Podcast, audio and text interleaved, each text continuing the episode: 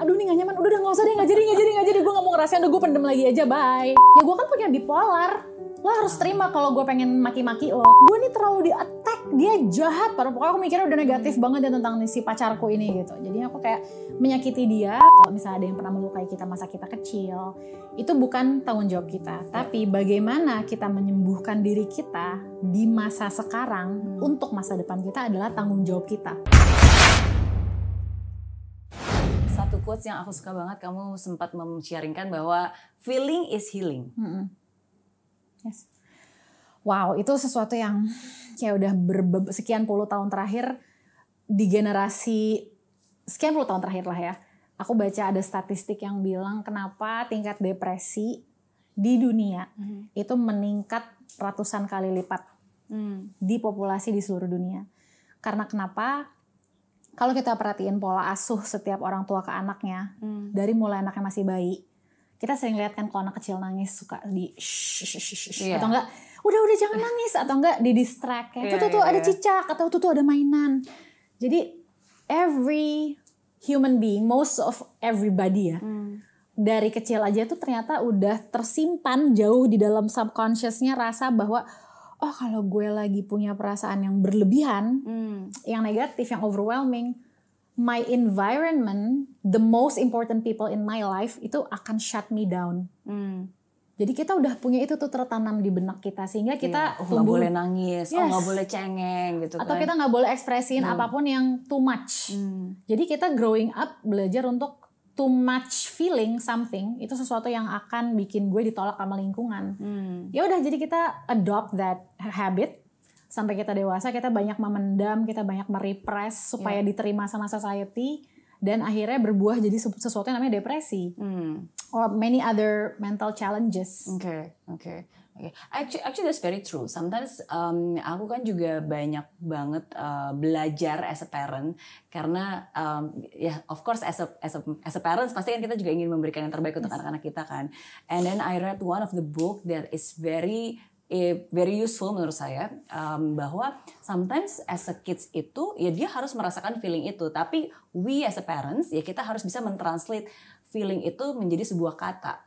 What do you feel? Name it. name it gitu. Jadi cuma ya pokoknya kayak gini lah perasaannya. You have to really name it. Jadi apa yang kamu rasakan? Apakah marah kesel angry? Baru dari situ dicari why. Apa yang men-trigger bener nggak Uh, and sometimes kadang-kadang as as a adult ya mungkin kita merasakan perasaan itu tapi kita nggak nggak tahu dan kita nggak berusaha untuk mename what is this feeling Ya, karena Bener nggak? even in stress, under stress atau under pressure atau under apa pun depresi, kita itu butuh clarity. Clarity of our emotions kayak kita nak ngasih nama gitu yang gue rasakan ya apa sih? Gue ngerasa kecewa. Kalau kita udah tahu lebih clear gitu, oh yang gue rasain ini kecewa, bukan marah. Iya. Oh yang gue rasain ini gue ngerasa diinjak misalnya, atau gue ngerasa diabaikan kepentingannya. Jadi Oke. kayak itu lebih membuat kita bisa apa ya? uh, at least we'll know what to do next dibanding kayak kita clueless dan udah over the place aja semprot-semprot marah-marah sana sini Betul. tanpa tahu sebenarnya kenapa. Kalau kita nggak tahu nama perasaan itu apa, kita nggak akan bisa ke akarnya kan ya dan menyembuhkan atau memperbaiki itu. Okay, so it's it's good to have feeling. Feeling is healing. Yes. Tapi it's not just about the feeling, tapi we have to go deeper untuk Go deeper. find out what exactly do you feel. And the challenge is to feel is many times rasanya nggak nyaman. Hmm, ya kan kayak kadang-kadang kita kayak ngerasain sesuatu yang udah kita pendem nih lama terus kita pengen dia pengen kita sembuhkan atau perbaiki to let it come up untuk Yeah. ke permukaan tuh kayak kita mulai ngerasa aduh nih gak nyaman udah udah nggak usah deh nggak jadi nggak jadi nggak jadi gue nggak mau ngerasain udah gue pendem lagi aja bye Iya, kita iya, anggap iya. dia nggak ada padahal sebenarnya dia menjadi kayak ibaratnya tuh luka yang masih basah terus sampai bernanah nggak Oke. karena nggak pernah kita sembuhin Iya. dan jadinya membuat kita do toxic behaviors misalnya Iya. contohnya Oke, tapi So- bagaimana cara kamu? eh, Oke, mungkin aku tanya gini ya. Ya. Sometimes kan ada two school of thoughts. Ada yang bilang mungkin ya udah kita harus merasakan feeling kita, tapi at the Hmm. same times kita juga nggak boleh terlalu terbawa sampai terhanyut dengan perasaan sehingga Hmm. kita sampai sampai ya kita ya apa ya jadi jadi misalnya contoh kita kecewa Hmm. oke terus udah gitu um, oke I have to feel it's okay to feel disappointed tapi Hmm. Sometimes kadang-kadang kita malah jadi membiasakan dan akhirnya kita malah jadi terlena dan terhanyut sehingga it, it actually brings us even deeper. Nah, sekarang uh, definisi terhanyut itu apa? Kalau menurut aku berlarut-larut dengan perasaan, contohnya misalnya. Kalau bagi It's aku enggak, there's no such thing as terhanyut atau terbawa berlarut-larut dalam perasaan. Kita akan bisa terhanyut atau too much hmm. atau berlarut-larut dalam emosi negatif karena apa? Karena we spend 10 years or more dalam hidup kita untuk mendem perasaan itu. Sehingga kita ketika sekalinya kita mengizinkan rasa itu muncul, hmm. banyak banget yang keluar. Hmm. Ketika dilihat sama orang atau dilihat sama sahabat kita atau ibu kita, seakan-akan kayak kok lo jadi berlebihan sih? Okay. You know? Yeah. Actually kita udah spend berapa tahun mematikan semua itu di dalam padahal dia masih hidup sebenarnya. Hmm. Tapi kalau kita selalu membiarkan diri kita untuk releasing and feeling our emotion, maka dia akan bentar-bentar kita akan cleanse gitu loh hmm. kayak um, pernah lihat gak sih iklan di TV yang ada botol air minum, yeah. terus dalamnya ada tinta hitam, jadi yeah. kan airnya hitam tuh. Nah kalau kita banyak rilis, kita banyak mengeluarkan emosi yang negatif atau yang gak nyaman, itu tuh ibaratnya kita ganti air yang tinta hitam di dalam, kita isi dengan air putih. Hmm. Kan yang tinta hitam jadi keluar, jadi bersih kan. Yeah. Nah if we do it frequently, every day atau once a week atau whatever, maka kita akan nggak punya kemungkinan untuk jadi berlarut-larut seperti yang tadi itu. Okay. Okay. Jadi menurutku kadang-kadang untuk berlarut-larut itu bisa jadi it's exactly what some person need hmm. in order for them to start their healing process. Hmm. Jadi kalau dibilang terhanyut-hanyut, kita mesti tahu dulu background orang ini dia gimana. Oke. Okay. Uh-uh. Karena jangan-jangan memang dia butuh. Betul. Tapi beda ketika dia Betul. jadi membuat kondisi dia itu jadi alasan. Contohnya, yeah. ya gue kan punya bipolar. Lo harus uh. terima kalau gue pengen maki-maki lo. It's different. Yeah. Itu menjadikan itu sebagai alasan untuk berbuat sesuatu yang kita sebenarnya we can do better than that. Hmm. So there's a difference. Oke, okay, oke. Okay. Hmm. Oke, okay. and and I think um, ya mungkin seperti yang tadi Caca bilang juga ya.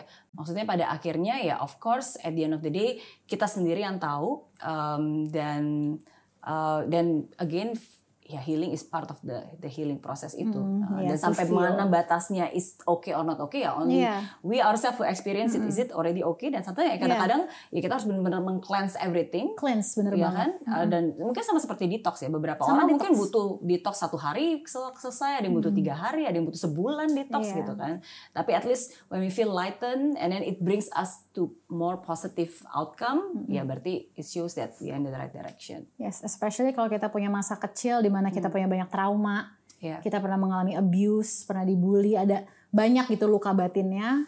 Uh, kalau yang dari aku alamin, mungkin kamera juga pasti tahu ya kalau kita healing sesuatu tuh nggak bisa di rapel. Maksudnya itu kayak happen bit by bit. Hmm. Satu healing session itu kayak kita cuma nyembuhin satu isu. Tapi masih ada isu lain yang kita akan healing on another time gitu loh. Yang bisa kayak misalnya nih banyak banget orang yang ketika udah umur 30 misalnya dia ngerasa yeah. oh gue baik-baik aja kok hubungan dengan orang tua dan I have no trauma atau I have no hate atau grudge towards my parents. Tapi ketika mereka masuk ke dalam sesi hipnoterapi misalnya yeah. terus they found ternyata gue udah luka dalam banget ke bokap gue padahal kayak padahal dia ngerasa kayak gue udah let go kok ternyata belum yeah, yeah. dan hubungan dengan orang tua tuh sesuatu yang dinamiknya kayaknya nggak akan berhenti gitu loh jadi hmm. pasti akan we always gonna find something okay. gitu ya that needs to be apa ya cleanse or detox Okay. Gitu. How do you heal that relationship or that broken heart lah dalam arti? Karena kan hmm. kalau dari Caca sendiri, uh, aku juga pernah dengar ceritanya juga. Maksudnya ada banyak juga yang komentar bahwa uh, ada yang bilang dulu uh, mama itu menggunakan kamu sebagai mesin ATM-nya. Uh, ada juga relationship yang is not really a perfect relationship between mom and hmm. daughter gitu. Maksudnya melihat apa yang um, apa yang sudah pernah terjadi hmm. ya. Uh, uh, bagaimana cara Caca berdamai dengan hal itu? Aku bagi dua ya. Jadi aku bagi dua tahap. Tahap tahap yang ending adalah tahap di mana yang lebih indah rasanya. Hmm.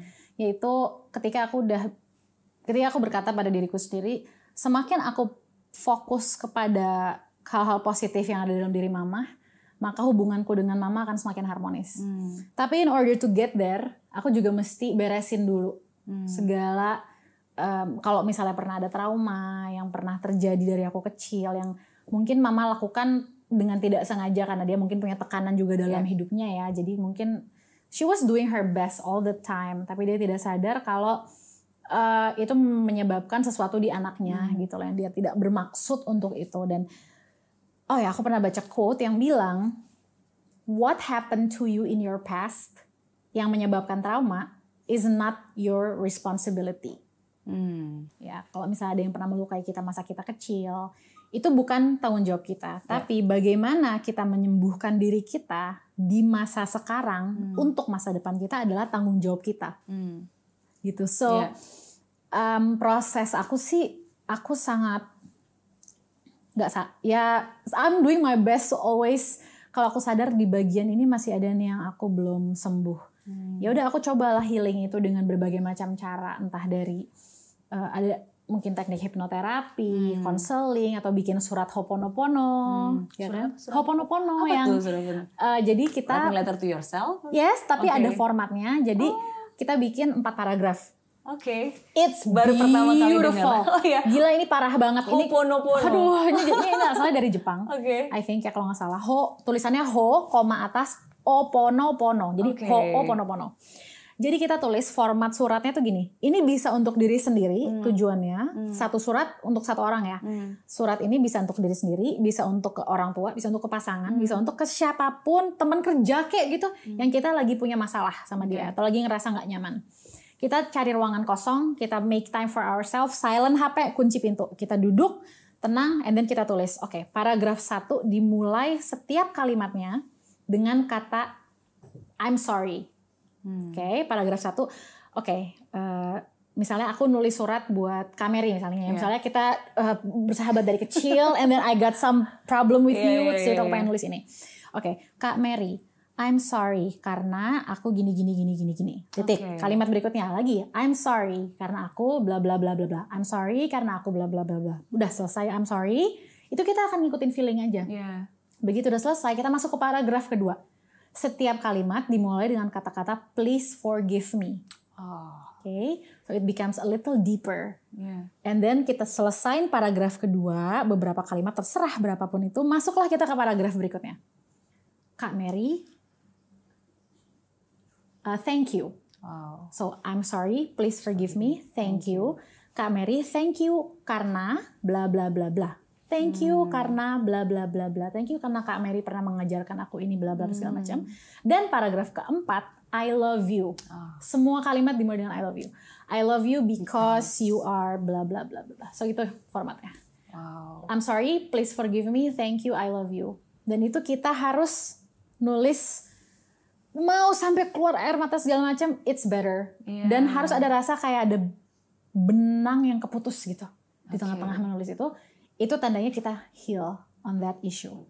Oh, this this beautiful. Uh itu powerful. Aku ngebayanginnya aja dan as, as like um, ketika Caca ngasih tau formatnya gitu in my mind it's like I can I can imagining like writing to like someone or even myself and then like but just going through the process belum menulis loh tapi aku udah mulai ngebayang go through the process it it it it, it feels some things Yeah, it's very deep it's very deep dan ngebuka layer-layer yang selama ini kita nggak sadar oh ternyata segitu dalamnya ya Iya. gitu. Dan itu bisa kita tulis buat diri kita sendiri juga. Bisa. I'm sorry for bla bla bla dan seterusnya. Yes. Oke, thank you for sharing. Yes, my pleasure. That's very nice. Karena sometimes kadang-kadang salah satu cara untuk bisa mengekspres perasaan itu harus dikeluarkan ya. I, I true believe karena kalau perasaan itu nggak dikeluarkan lama-lama itu akan bisa jadi beban dan akhirnya bakal menye- bisa me- it hurt it can hurt us. Um, tapi aku juga percaya bahwa kita harus mengeluarkannya di di tempat yang tepat dengan wadah yang tepat benar karena kalau nggak will create more problems Yeah, gitu exactly. kan. Um, so um, yeah, I'll, I'll I'll do that. Yes. itu itu benar-benar salah satu tool yang powerful banget. Dan bisa kayak aku terakhir bikin Hoponopono buatku sendiri itu tahun 2013. Oke. And then I make one again kalau nggak salah tahun ini deh. Hmm. Tahun ini sempat aku bikin lagi buat diriku sendiri dan wow gila sih rasanya. Dan every time tuh ada sesuatu yang baru lagi. Hmm. Berbeda gitu versinya walaupun untuk orang yang sama. Oke. Um, aku kan percaya ya bahwa kalau when emotion up, intelligence goes down. Emotion up, intelligence goes down. Emotion yang negatif maksudnya. Uh, yes. Atau- oke. Uh, no, actually, you, do you believe that? Ketika kita no you don't believe that. Okay. no, um, When emotion goes up, then intelligence goes down. What do you think of that phrase? No, I, I, I believe that kita bisa justru uh, aiming to what is called emotional atau intuition, sorry, emotional atau intuitive intelligence. Jadi itu adalah pertemuan antara intuisi kita atau inner wisdom atau the voice within whatever you want to call it, the God inside us. And itu sangat correlate dengan emotion sebenarnya. Itu kan rasa ya, sesuatu yang abstrak. Yeah. Tapi gimana kita bisa memanfaatkan itu to make the right best decisions. Okay. That is if a person That's has using intelligence. using intelligence. Nah, Okay. jadi kita gimana bisa combining wisdom, rasa, flow of the universe. Hmm. Is this the right thing according to my feeling, according to my emotion? Okay. Is this gonna hurt me? Is this is this this is doing this gonna make me feel good or not? Hmm. Itu digabungkan dengan pemikiran logika yang intelligent. Okay. Jadi sebenarnya kalau aku aku aiming to that Yeah. constantly. Iya. Menurut aku itu yang namanya alignment. Okay.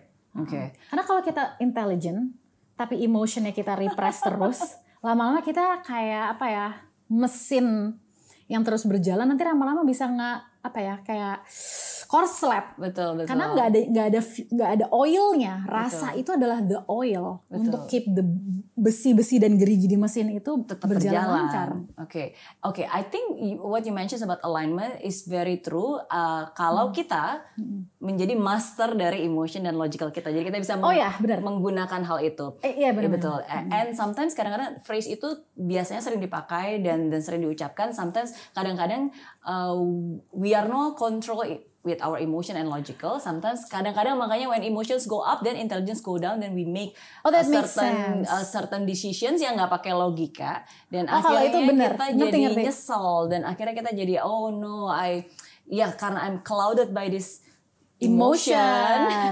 oh kalau itu artinya iya benar Iya, juga sih. iya, iya, iya, iya. benar. But that, but that's true. I mean, what you say is also very true in the sense like kalau kita memang punya uh, Mengenali diri. mengenali kita, ya, dan we are the master of our mind and our emotion, then you- it's good. I think we can find that alignment. Jadi kita bisa ada apa bisa mengconsider atau memake decisions dari dua dari segala sisi lah Iya. gitu. Tapi in your life have you ever experienced like you let your emotions up until you make certain decisions yang akhirnya kamu regret? Kalau iya berarti apa? Hmm.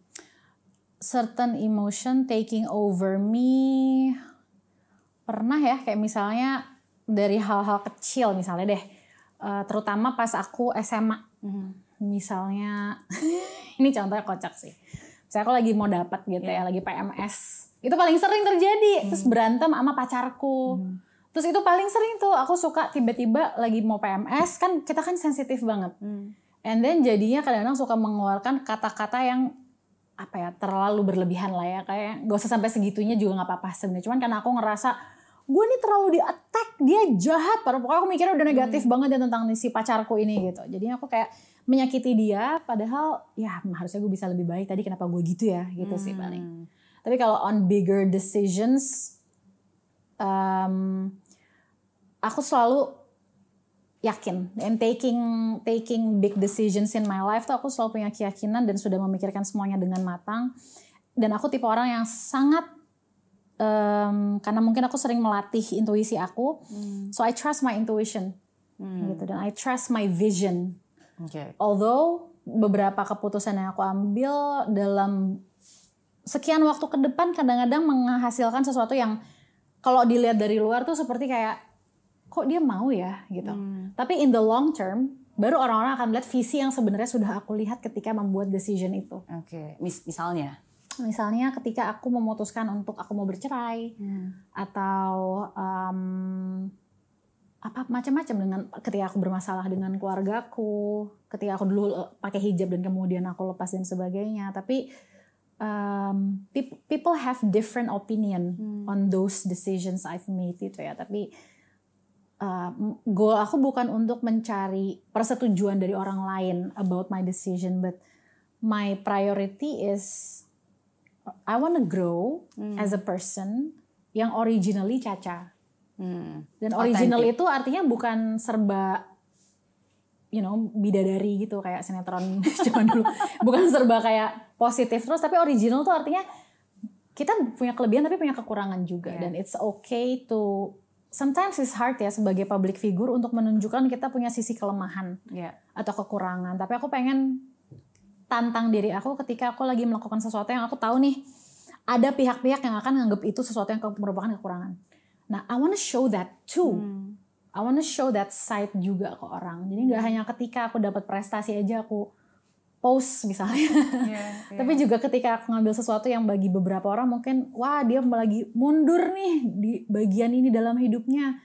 Aku pengen ya udah aku transparan. This is my journey. Ya. Dan hopefully one day mungkin berapa tahun dari sekarang or I don't know when ketika aku sudah meninggalkan dunia ini aku ninggalin legacy yang real. Ya. If I become an inspiration to some people, that's the real version of me. I'm not making it up or just showing the great The great things or side the beauty aja. or the good side. Ya. Oke. awalnya denial dulu. Hmm. Denial dulu. Aku nyangkal dulu bahwa aku nih terluka. Dia bilang ke aku, "Ibu, aku baik-baik aja." Dan ibu, aku pengen lihat ibu seneng.